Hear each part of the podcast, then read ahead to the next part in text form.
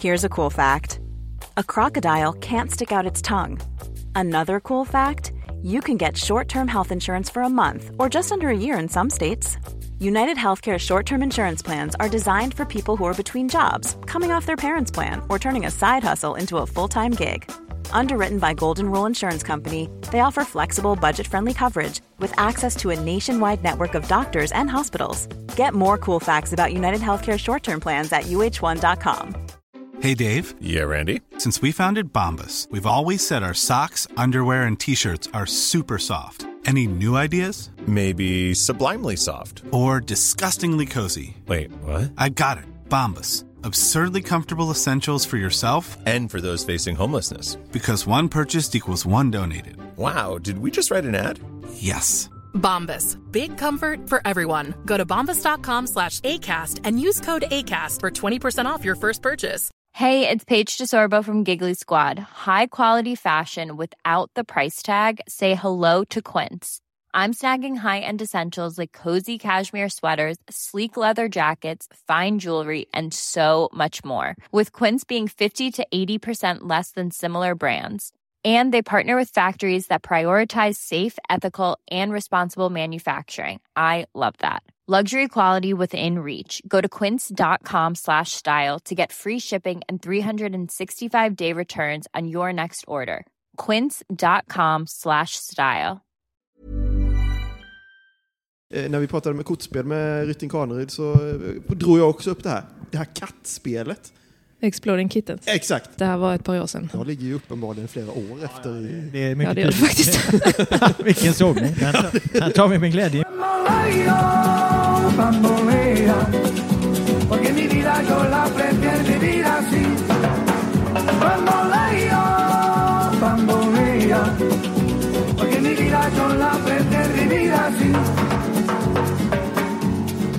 Hola Marbella. Hej och välkomna till det nionde avsnittet av Hola Marbella, GPs podd som punktbevakar BK Häckens och IFK Göteborgs träningsläger i Spanien. Vi som gör det är jag, Robert Laul och Linus Pettersson. Dagens gäst är, är en riktig tungviktare, nämligen en helt ordinarie och bärande landslagsspelare. BK Häckens allra bollskickligaste representant, Hissingens nummer 10, Elin Rubensson. Välkommen! Tack så mycket.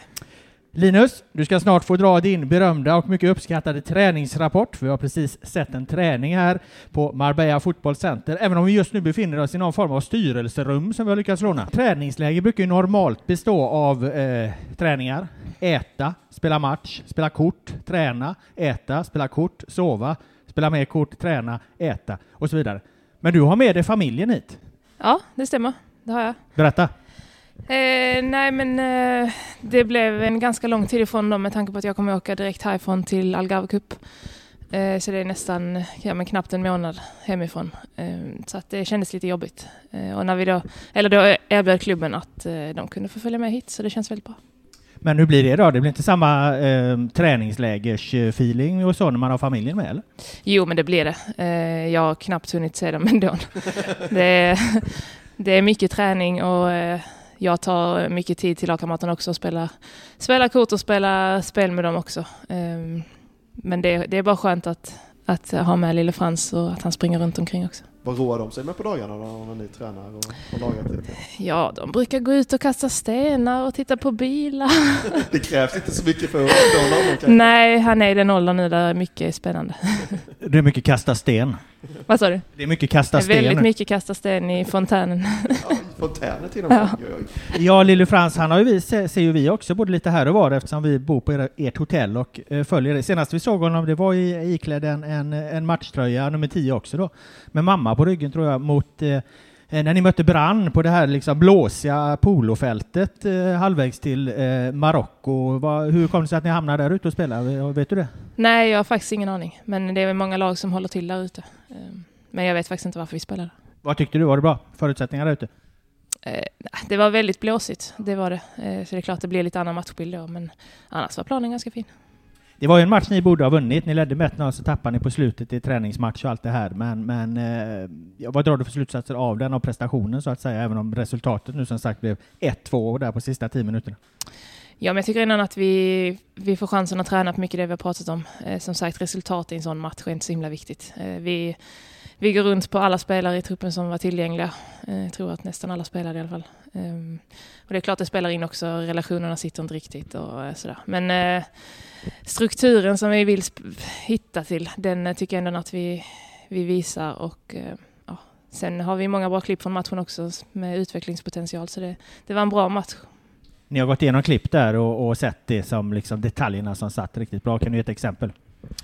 Eh, nej men pressspelet bland annat, där vi har tittat på klipp där, där vi gör det bra och där vi inte gör det bra. Så det, det är alltid nyttigt att titta efter. Linus, du stod, stod bredvid där. Du tyckte de var, att Häcken var för låga i första halvlek, jag men tyckte bättre i det andra. kändes lite lågt, alltså det stod väldigt lågt i första halvlek.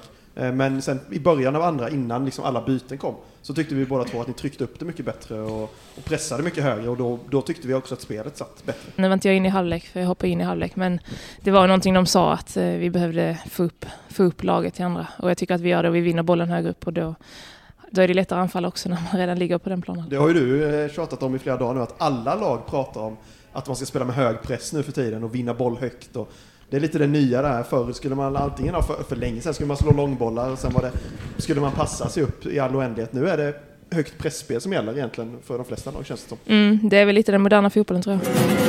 Nu är vi i alla fall tillbaka på Marbella Fotbollscenter. Eh, ni har tränat som sagt och eh, Linus, du har slickat linjen i vanlig ordning och eh, har förberett en matig träningsrapport. Ja, Om jag inte är fel, felunderrättad. Jag tyckte det var så mycket, det var mest spel idag kändes det som. Eh, på lite olika ytor. Engelska kvadraten, jag vet inte om ni kallar den så, men eh, Jo. kallades den på min tid i alla fall, när man spelar tre lag på tre olika ytor. Eh, den körde, var det väldigt mycket av idag. Ja. Eh, väldigt mycket spel överlag. Och så någon avslutsövning på det. Så var väl ungefär träning. Jag noterade också att ni tävlade i att träffa ribban. Jag vet inte om du var inblandad i det, men det sprängdes in där mitt emellan några övningar. Ingen lyckades, kan vi ha med oss. Vad Ja. tycker du om träningen idag? Eh, jo, men en eh, ganska ändå lugn träning jämfört med vad vi haft tidigare. Ehm, där vi skulle hitta, ja, men hitta de här passningarna framåt, eh, precisa passningarna. Men det är lite det som engelska kvadraten går ut på, att liksom hitta igenom lagdelar. Um, som vi behöver träna på. Det var en grej som jag tittade på klippen till exempel. Så, nej, men en eh, helt okej träning. Det var eh, ganska så celebert besök eh, vid sidan av eh, planen. Vet du vem som tittade på träningen? Det Nej. stod en, en, en person där vid stenmuren och, och tittade på träningen. Vet du vem det var? Nej, jag vet inte om jag vill veta. Ja, det, är- det är inget farligt. Det var Andrine Hegerbergs pappa, Aha. Ada Hegerbergs pappa, Ja, kul. som, som var där. Som jag fick med en liten Han pratstund hade med. lite starka synpunkter som ändå rörde Elin Rubensson, va? berättade du. Eh, Ja, exakt. Han tyckte att Andrine eh, skulle spela på centralt mittfält ihop med dig, för att han tycker väl att eh, eh, spelar man bredvid en väldigt bra spelare så blir man bättre som, som spelare själv. Nu lägger jag lite ord i hans mun här, han uttryckte det inte så tydligt, men, men han, han sa i alla fall att han hoppades att Andrine skulle spela med, med dig, bredvid dig på centralt mittfält. Jaha, ja, det ser man. Vi har ju spelat ihop tidigare när hon var i Göteborg. Ah, bildade ni inne mittfält då? På den tiden? Eh, tror vi gjorde det. Jag har varit runt på så många positioner så jag Har du minns. inte varit? Nej men jo men det gjorde vi. Han sa också en intressant grej att eh, eh, eh, eh fotbollen, för eh, er, er fotbolls nästa utvecklingssteg är att bli liksom mer, eh, ännu mer bolltrygga, ännu bättre i värderingar när man ska spela snabbt, när man ska hålla i. Eh, där kan man säga att du är en, en, en utmärkt representant som, som behärskar det redan. Du, man ser ju när du är på planen att okej, eh, du är trygg med bollen, du, du vet när du snabbt ska gå vidare, när du ska växla tempo och, och så. Men, men köper du den bilden överlag att det där är en utvecklingsresa där som, som finns att göra helt enkelt? Ja den köper jag absolut. Eh, och jag tycker det är lite där vi har eh, utvecklingspotential i laget också. Eh, att det är väldigt mycket framåt och det ska gå snabbt och det ska gå direkt. Men som du säger, vi måste lära oss värdera att för vi kommer inte orka till slut. Ska man spela det spelet så måste man ha en otrolig fysik och orka gå varenda gång och det är ingen som gör det. Och då kommer kvaliteten gå ner till slut. Så man måste, ibland måste du bara ta fram den, stampa på den och vända tillbaka. Och det visst, det är väl någonting som jag alltid har varit ganska duktig på och kanske känna av tempot i matchen. Eh, Hur har du blivit det? Jag vet inte faktiskt. Eh, Det är väl bara något som jag har. Har du alltid varit det eller? eh? jag. Eh, Ja, alltså så länge jag har varit mittfältare tror jag. Jag var ju forward från början så det kanske inte var riktigt samma men jag vet inte om det har lite med speluppfattning att göra kanske. Läsa av spelet. Så du började som forward, gick till mittfältare, blev högerback Mm. och nu är du på väg uppåt igen. Ja precis, jag har varit hela resan. Kommer du sluta som forward då? Är det där vi... Eh, man vet aldrig. Nej, det tror jag faktiskt inte. Inte om man tittar på mina avslut idag. Eller? Sluta som mittback kanske, det gör väl alla spelskickliga nej. centrala Ja, mittfältare? Nej, det, det är ingen risk. Alltså, det var Nej. ett tydligt svar. Ja, nej. Det var bra. nej, det, nej. Mer från träningen? Eh, nej. Då går vi över till ditt nästa succésegment. Det är ingen rast, ingen ro här. Det Jag tror, är... jag tror du får ta ner de här. Eh, Nej, nej, nej, nej. succésegment är Eh, extremt höga. jag ska förklara, eh, medan du förbereder ska jag förklara för Elin här. Eh, vi, har, eh, vi använder ju sådana här matchanalysverktyg, du vet som mäter statistik, allt mellan himmel och jord. Eh, vi har ett som heter Instat, det finns i Y-scout och allt möjligt. Eh, Instat har en, en tjänst som heter Similar Player. Man kastar in ett namn på en fotbollsspelare i en simulator. Ut kommer en annan spelare som liknar den spelaren väldigt mycket. Så slänger man in Elin eh, Rubensson där, så får man ett svar på hur många procent lik du är andra spelare. Det här brukar vi göra med våra gäster. De flesta anfallare vi har, vi har här på här sidan de har blivit lika Per Fricadona Frick, Elfsborg. Alltså. Eh, när vi hade Johanna Rytting Kaneryd här så vart hon bland annat lik dig, vilket var intressant. Mm. Eh, och en rad andra spelare. Vilket då innebär att Elin Rubensson också är lik eh, Rytting Karlsson. Ja, det blir ett litet test. Det borde bli så. Det blir ett Det litet så, det är, så är det. Ja. det blir ett litet test av den här tjänsten då. Om, om, om, om det ska vara något du har så borde du ju då slå åt andra Ja, hållet också. så Så det. då är ju frågan, eh, är det så? Ja, vi kan väl börja där då. Ehm, 83 procent lika är ni, Oj, du och Ja. Rytting Kaneryd. okej. Ja. Så det, ju, det finns lite dribblings... eh, Ja, jag tänkte säga det är kul också. att höra för då har jag ju bra teknik där. Ja, Ja. uppenbarligen. Eller så är det ju de resterande då, eh, 17 procent. Ja, precis, som jag saknar. kan vara så också. Det, det förtäljer ju inte den här algoritmen riktigt. Men Nej. eh, ja, där är du med. Ja, Annars är det mycket ytterbackar. Eh, Jag vet inte vad du kommer känna kring det. Men det här är ju siffror från fjolåret då. Så att, eh, Ja, det- 97 procent Hanna Glas. Oj, ja. Vad säger du om... Nej, eh, men det tar jag som en komplimang. Ja. Absolut. Är ni lika, tycker du? Eh, det finns nog vissa likheter. Eh, men kanske mer när jag spelar som ytterback då. Mm. Eh, jag kan nog justera mitt spel lite om jag är ytterback eller när jag går in på det centrala. Eh, 91 procent Amanda Ilstedt. Oj! Mm. Den var du mer chockad över. Jag skulle inte säga att vi är riktigt lika så, men När du tänker efter då, finns det någonting i er spelstil som du känner ändå, okej, det där är vi kanske ändå ganska lika på? Nej, men jag tror vi tänker ganska lika. Nu är vi väldigt bra vänner också, så det var väldigt kul att höra. Mm. Ja. Jag har kommit upp tidigare nämligen att det kanske inte bara är fotbollsegenskaper tänkte- utan detta tar personlighetstyp och, och ursprung De och allt kanske möjligt. va? vet mer än vad ni tror. Kä- kä- Tjänsten är ju rysk vet du, så att jag menar det, det kan nej, ju men- vara ett spionverktyg. Ja, Marcus. Berg var ju till och med inne på så här uppväxt och bakgrund och sånt. När, ja, det här, ja, mm. Eh, vad har vi mer? 88% Hanna Wik. Det är hon som har ersatt dig kan man väl säga egentligen Ja. som högerback då. Mm. Eh, 83% Maren Mjelde. Gammal lagkamrat från eh, GFC-tiden fastnade jag eh, lite på. Ehm, Tror jag va? Nej, Eller du vi kanske inte var i GFC hon, någon- Jag tror att hon lämnade det året jag kom. Så kan det vara. 2014. Nu hoppas jag att jag har rätt, men jag tror faktiskt inte att vi Jag tror var att hon var i Göteborg 2014. Ja, precis. Och jag lämnade inför 15. Ja, okej. Eller jag kom inför 15. Okej. Mm. Då stötte ni inte på varandra. Men Nej. hon är med också på listan. Ja. Eh, så där har vi det. Eh, Spontan, eh, nöjd, besviken? Nej, jag är jättenöjd. Det är fantastiska spelare du har nämnt, så kul. Bra, eh, vi gillar när eh, spelarna gillar vårt verktyg. Vi Ja. tycker att det är kul. Men som sagt, det sätter ju fingret då på din eh, position där i fjol, det här positionsbytet du har gjort. Och nu är du som sagt tillbaka på det centrala mittfältet från högerbacken då. Känns det bra? Jättebra. Varför då? Därför att det är där jag vill vara och det är där jag tycker att jag kan hjälpa laget mest. Att jag får ut mina kvaliteter på det absolut optimalaste sättet. Hur gick diskussionen när du blev högerback? Eh, nej, men jag har ju varit det i tidigare år också. Eh, för att det har behövts på den positionen. Det har inte funnits jättemånga högerbackar eller ytterbackar generellt eh, i svensk fotboll. Eh, så det var lite så jag kom dit från början. Eh, och sen förra året så hade jag en lång resa med att komma tillbaka. Och det var samma där att det behövdes som ytterback och det var lättare att slå sig in där. Eh, ja, när jag, när jag var på väg tillbaka liksom. Så det var sättet att få speltid och det var en ganska bra position för mig att komma tillbaka till också för det var mycket fysik direkt. Jag, jag fick tillbaka fysiken snabbare tror jag. Upp Eh, med flåset när man löper. Precis, det var mycket löpningar eh, som jag behövde då. Så. Nej, det var, det var egentligen därför tror jag. Så man löper mer som högerback än, än innermittfältare? Nej, inte mer. Men det är ungefär lika i längd tror jag om jag kollar GPS. Eh, såklart beroende på vilka spelare man är, men generellt sett. Eh, men det är lite annan typ av löpningar. Det är liksom mer raka löp och mer, mer löp i hög hastighet än vad det är på innermittfält. jag, jag tyckte det var intressant för när, när Robert Wieland kom in som ny tränare så var han ganska tidigt ganska tydlig med att man, man placerar inte Edin Rubensson som högerback. Var det liksom direkt så när, när ni bytte tränare? Ja, han kom in som ny tränare när vi var på ett landslagsläger. Ehm, Så jag var inte ens hemma när han tog över och han ringde mig direkt när jag var på läget. Och det var, vi pratade fem minuter tror jag, det var det första han frågade liksom. Är du beredd att gå in på mittfältet redan nu? Ah. Så jag blev ganska Det glad. stod nummer ett på hans lista. jag vet inte. Nej men det kändes som att han, han hade bestämt sig för det ganska tidigt. Eh, en annan sak som är intressant, det är ju eh, när du, hur, hur snabbt du kom tillbaka efter graviditet och, och förlossning och så här. Eh, om jag fattar det här rätt nu, för du pratade om det i en intervju med Mölndal- Mölndalsposten, tror jag det var, eh, så, så var förlossning i december och du tränade 50% i januari. Var, eh, var det korrekt eller? Ja, jag tränade 50% i tre månader där, januari, februari, mars. Och sen gick jag upp på 100%.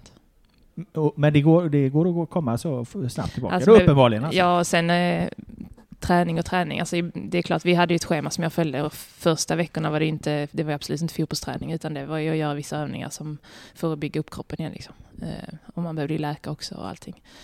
Allt vad det innebär så det var, jag hade en 12 veckors plan eh, med liksom vecka för vecka.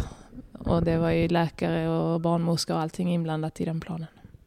Var det här på något sätt ny mark som bröts, liksom att, att komma tillbaka så snabbt? Eller hade du liksom förebilder så som har gjort på liknande sätt? Eh, någon annan har gjort det förstår jag, men, men, men eh, vad skulle du säga om det? Är det liksom ett nytt område så att säga? Ja, men ganska nytt skulle jag nog säga. Jag pratade med, ja, men bland annat Mimmi Lövenius som är i Lilleström nu. Eh, Hon har två barn och kommer tillbaka. Josefin Johansson i Piteå. Henne pratade jag också med och kommit tillbaka till Allsvenskan. Ehm, Eh, Så det fanns ju några där jag kunde få lite tips och sådär. Men annars, det är inte jättemånga som har kommit tillbaka till landslagsnivå. Ehm, Vilket jag hade som mål ganska direkt. Jag tänker att det kan vara ett område där det behövs ny, mer information, kunskap Mm. och, och, och strategier liksom. Att det, det är viktigt liksom. Så Ja, att- så det, att- det märkte jag ju på ja, men läkare och sjukgymnaster och alla. Vi visste liksom inte till. Vi fick ju sätta oss ner och slå ihop våra kloka huvuden liksom gå ut och, och jag vet våra sjukgymnaster tog hjälp av någon expert inom det området så de fick liksom gå utanför. Jag tror det var någon, någon som jobbar med handbollstjejerna för det är lite vanligare. Um, så vi fick ju verkligen söka liksom efter expertisen. Um, men till slut hittade vi en bra plan och efter det så känns det som att fler och fler har fått upp ögonen för att det är viktigt och det är även några nu efter som har blivit gravida och fött barn. Hur liksom var den resan? Alltså hur mycket tappar man kroppsmässigt om du förstår vad jag menar? Hur, mycket, hur långt ner går man liksom? Hur mycket behöver man bygga upp sig igen för att komma tillbaka?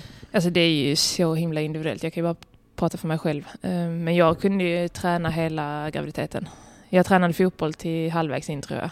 Eh, inte närkamper och så då, men jag mådde ganska dåligt första veckorna så då kunde jag inte träna alls. Eh, men sen höll jag ändå igång under hela graviditeten med det som jag kunde. Så jag var ändå ganska redo när jag kom tillbaka. Eh, Så man börjar inte från noll igen liksom, utan man... Nej, med vissa grejer, alltså bolltouch och sånt var ganska lugnt. Det satt ändå kvar. Men det är klart, explosiviteten var väl det som jag var mest, det som tog mest tid. Det var mest frustrerande i början att jag skulle rycka förbi men jag kom liksom ingenstans. För att jag hade varit ett år utan fotboll nästan. Eh, ha- gjorde du någon lärdom under de här, den här tiden? Liksom? Eh, Vad, vad tar du framförallt med dig eh, eh, från det?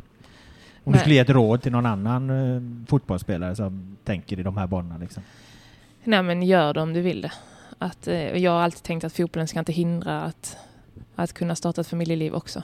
Ehm, för jag vet att det är många som funderar på det men så vill man inte offra karriären. Och, eller man tror att man offrar karriären men det behöver inte betyda det. Ehm, så jag, nu gick det väldigt bra för mig så jag kan ju bara rekommendera det och det är fantastiskt att kunna kombinera. Att, men som nu att Frans springer runt här liksom. Att jag har gått igenom hela den resan och ändå kan vara på högsta nivå igen.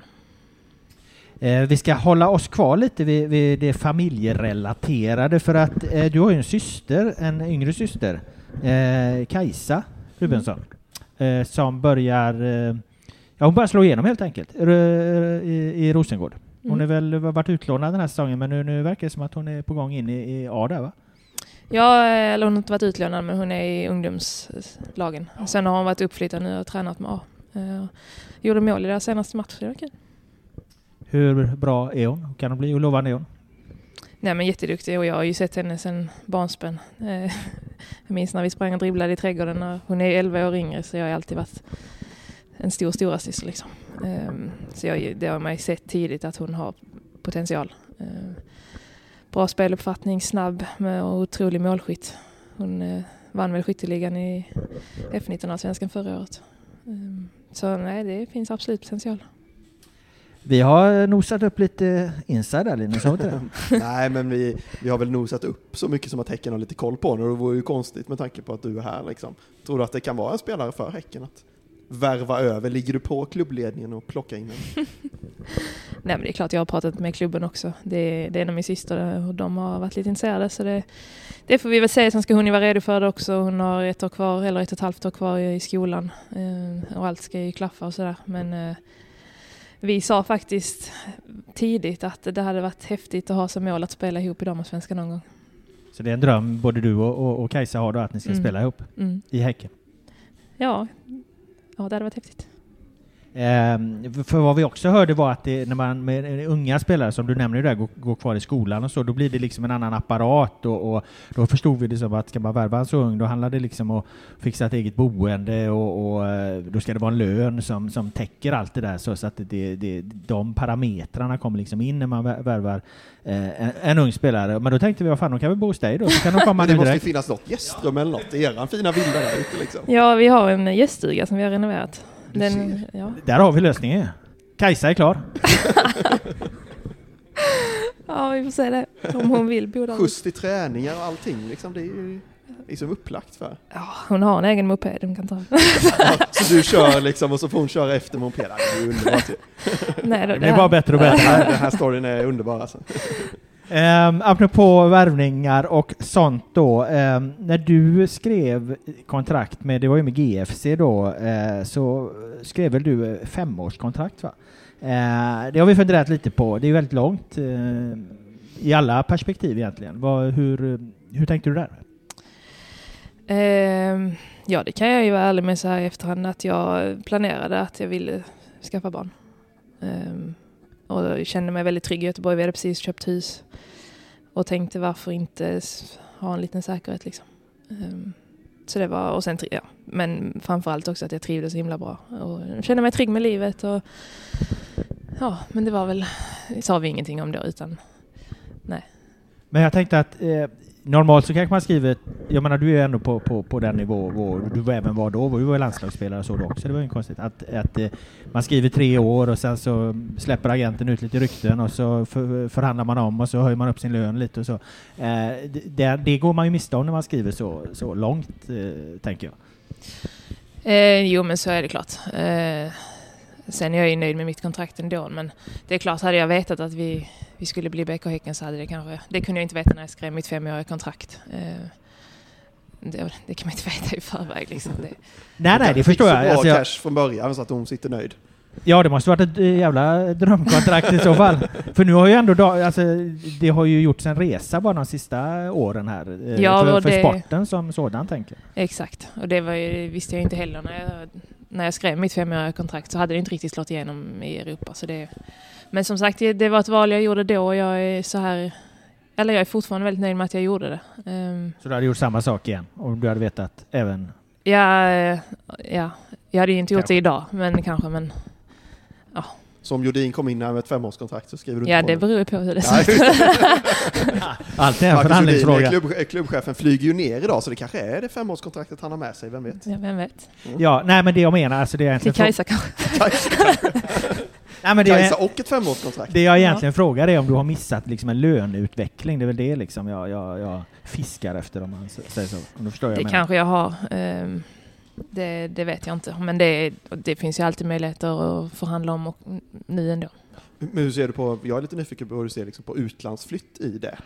Eh, för nu har du väl, vad har du, två år kvar eller? Ja, det har jag nog. Ja, hur ser du på, liksom, med tanke på att du pratar om en familj och trygg i Göteborg och sådär, hur, hur ser du på, som många gör nu, att testa, testa något utomlands? Ja, alltså jag har ju in, tidigare har jag absolut inte känt att det har passat. Eh, och det har inte varit så långt fram i Europa heller. Då har man verkligen behövt gå till topp, topp och jag har inte känt att jag har varit redo för det riktigt. Och har trivts väldigt bra i Sverige med allt och jag har, har ju lite vid sidan om också. Men sen är det klart, de senaste åren nu har det börjat hända grejer. Och det är klart med löner också, de sticker ut i Europa. Um, så är det någon gång man skulle passa på så är det väl nu. Men samtidigt som jag har det fantastiskt bra i Sverige och den satsningen Häcken gör eh, vill jag ju vara med på också. Um, så jag har inte stängt några dörrar men eh, vi får väl se. Jag trivs väldigt bra här. Men det är väl rätt perfekt egentligen. Du har två år kvar på det här då. Och så är du med lite mer på Häckens resa här. Frans blir lite större och sen är du kontraktslös. Eh, det har vuxit ännu mer ut i Europa och då är du 30 liksom. Det, det är ingen ålder. Då har du ett bra kontrakt där på tre år i någon storklubb i, Ska, i ska du bli agent här nu? Ja, jag tänkte säga det. Har du någon, har du någon agent eller? Behöver du en? Ja, jag klarar mig. Det låter som att du säljer in en bra plan här annars. Ja, vilken klubb har du? Ja, men eh, vi vet ju att England är ju hett. Dit Ja. har ju varenda Ja. Häckenspelare i princip eh, senaste halvåret gått. Är det inte så? Jo, jo. Jag är mer nyfiken på vad du säger om planen. Ja, nej men jag, eh, jag trivs jättebra här och jag tycker fortfarande damallsvenskan håller i en hög nivå också. Ehm, det är väldigt många spelare som sticker utomlands nu, även till mindre klubbar utomlands. Ehm, och jag vet att vi i Häcken, med förutsättningar och allt, så har vi det minst lika bra som många av storklubbarna ute i Europa. Så just för den saken skulle är det ingen mening med att gå. Ehm, så det är vad man vill åt äventyret. Och det är väl där jag står och väger lite. Jag, nu har jag nu är det inte bara mig själv att ta hänsyn till heller, utan det är hela familjen. Du har lite tid på dig att fundera också. Yes. Eh, innan vi släpper iväg dig till din eh, lunch och din eh, familj och eventuellt kortspel. Algarve Cup uttagen här i, i, i dagarna. Eh, det var ju fyra eh, Häckenspelare då, förutom du Elin. Elin så var det ju Rytting Kaneryd, eh, Josefin Rybring och Jennifer Falk. Eh, rimligt med fyra Häckenspelare tycker du? Eh, ja, alltså vi har ju många som har gjort det bra och eh, vi har ju varit ett gäng som har varit med. Eh, och det är klart, det är alltid kul med många som är med. Vi har en liten konspirationsteori här att eh, Filippa Kurmark har ju varit med ett tag när du varit högerback och så. Nu är du tillbaka på, på, på mittfältet och att det är den eh, kvoten du liksom fyller i när Gerhardsson tar ut truppen. För nu kommer ju inte Kurmark med. Nej, jag vet inte riktigt hur, hur det ser ut. Eh, jag vet bara att jag är med som mittfältare och jag tycker det är väldigt roligt. Sen är det såklart tråkigt för Filippa, vi lagkamrater hemma, jag tycker hon är jätteduktig. Um, men det är som fotbollen är, det är, det är han som tar ut truppen. Hon har inte tryckt till det lite extra på träningarna eller så här. nej, nej det har hon inte. Men du hade inte velat se fler Häckenspelare i, i truppen? Men det, det är klart, men jag hade velat se många. Eh, jag tycker vi har ett fantastiskt lag. Men det, det är hård konkurrens överallt nu. Hur mår landslaget så här, eh, vad är vi, ett halvår innan eh, EM skulle du säga? Ja, nu är det ju ett tag sedan vi sågs, men eh, jag tror eh, mår ganska bra. Det är många som är ute och spelar på väldigt hög nivå. Ehm, och många som gör det väldigt bra också. Så det, det ser bra ut tror jag. Vi får väl se nu Algarve. Och sen när EM drar igång så har vi ju en grupp med Nederländerna, Schweiz, Ryssland. Eh, vad tycker du är rimligt att ha för, för, för förväntningar och, och, och målsättning eh, inför gruppspelet? Oj, det är nog någonting vi kommer att prata om nu på läget. Men så här spontant så, vi har ju gjort mästerskap nu där vi vunnit brons och i VM och sen eh, silver i OS nu förra året. Så det är klart vi ska vara med och slåss om medaljerna. Det är väl en rimlig målsättning. Vad ser du för andra, eh, vilka, vilka konkurrenter ser du framförallt? Eh, ja, ja, det finns många bra lag. Det var ett uttömmande svar. Nu kommer jag säga något lag som inte ens har kvalat sig dit. Nästa fråga. Elin Rume som den ultimata EM-guiden Ja. Nej, jag är inte bra på guider och sånt. Är du inte, är du inte en, liksom en fotbollsnörd i den? Eh, nej, det kan jag erkänna att jag inte är. Jag är inte den som tittar på mest fotboll. Eh, inte så sitt, att jag sitter och tittar på Premier League. Och jag gillar att titta på ja, men allsvenskan, damallsvenskan. Eh, da- damligorna utomlands gillar jag att kolla. Men jag är inte inbiten liksom, fotbollsfan. Det skulle jag inte säga. Vilken är den häftigaste landskamp du spelat? I OS-finalen 2016 på Maracana. 70 000 på läktaren. Just det. Där var jag på det OS Ja. Och det var ju en jävla massa matcher på vägen fram där. Ja, hela USA och sen Brasilien i semin va? Och så Tyskland i finalen. Ja, båda straffläggningarna där i semin och kvartsfinalen. Sen förlorade vi väl med Tyskland i finalen, men det var ändå en... Alltså hela den turneringen var bara häftig. Sen, Ho- Hope Solo. Kommer du ihåg det? Handskarna och allting. Ja, jag minns. Vad tänker du om det idag? Nej, det var... Jag vet inte. Det störde inte Lisa Dahlqvist i alla fall. Det var... Det var väl hon som la den avgörande straffen där. Nej, vi skrattar lite åt det efter. Linus, eh, vi har suttit här en halvtimme. Eh, vi lovade att släppa iväg Elin efter en halvtimme. Har vi någonting mer vi eh, har missat att Eller har vi något vi har missat att ta upp? Nej, jag hade bara en, en punkt egentligen. Eh, Det var kattspelet. Vilket jag nu då inser eh, var, Jag har gått och funderat på det helt i onödan eftersom det tydligen inte är aktuellt längre. Men du hade faktiskt en grej till och den ska vi ta innan du smiter. Eh, sidointresset, inredningen. Ja, du, har ju, du har ju liksom stalkat Elins eh, Ja, det- inrednings-instagramsida. Det krävdes, inte, det krävdes ingen djupare journalistisk grävning för att hitta det här kontot. Nej, men du sysslar ju med det vid sidan om. Ja. Det vet jag att du har pratat om i tidigare intervjuer, att det är någonting du siktar på att göra efter karriären kanske, när du väl hamnar där. Ja, kanske. Eh, Det är någonting jag tycker är väldigt kul i alla fall. Så det... Men vad är det då? Eller vad, berätta. Vad, Nej men jag är ju utbildad inredare också. Ehm, och har jobbat lite med olika grejer inom det. Jag har stylat lägenheter inför försäljningar. Jag, eh, vi driver, jag och Filip driver eget företag. Ehm, där har en webbshop som jag har designat lite produkter. Nu tror jag inte att, jag ska inte göra reklam för den för mycket för jag tror inte jag kommer fortsätta för jag har inte riktigt tid. Men eh, driver ett Instagram-konto, inredningskonto. Jobbar lite med samarbete med företag och sådär. Men om, om, om, om jag skulle sälja min lägenhet till exempel, då kan man kontakta en, en sån som dig, det du gör, och så kommer du dit och stylar lägenheten och så får man ett par hundratusen extra för ungefär. Eller? Ja, alltså det är det inredare jobbar mycket med. Det är väldigt vanligt att man gör det nu för tiden. Sitter man hade fått bara bära ut allt du har i din lägenhet och bara styla om den totalt Ja. om man ska sälja den. Ja, ja, nej men det är bra, då kan du fixa det åt mig. Så jag som har gett en bra karriärplan där precis Ja, innan. Med, med, det kostar med lite bara. över- Tjänster och gentjänster. Nej men vad bra. Eh, jag tackar dig för att eh, du kom hit Elin eh, och var med i vår podd. Hoppas du får en fin fortsättning på lägret. Eh, och lycka till med den här säsongen som du har framför dig. Tack, Tack. Linus för att du var här också. Och tack alla ni som har eh, lyssnat. Hålla Marbella är tillbaka med nya avsnitt och nya gäster eh, vad lider. Ha en bra dag. Hålla Marbella. Hola Marbella. Hola Marbella. Porque mi vida yo la prefiero vivir así. Bamboleo,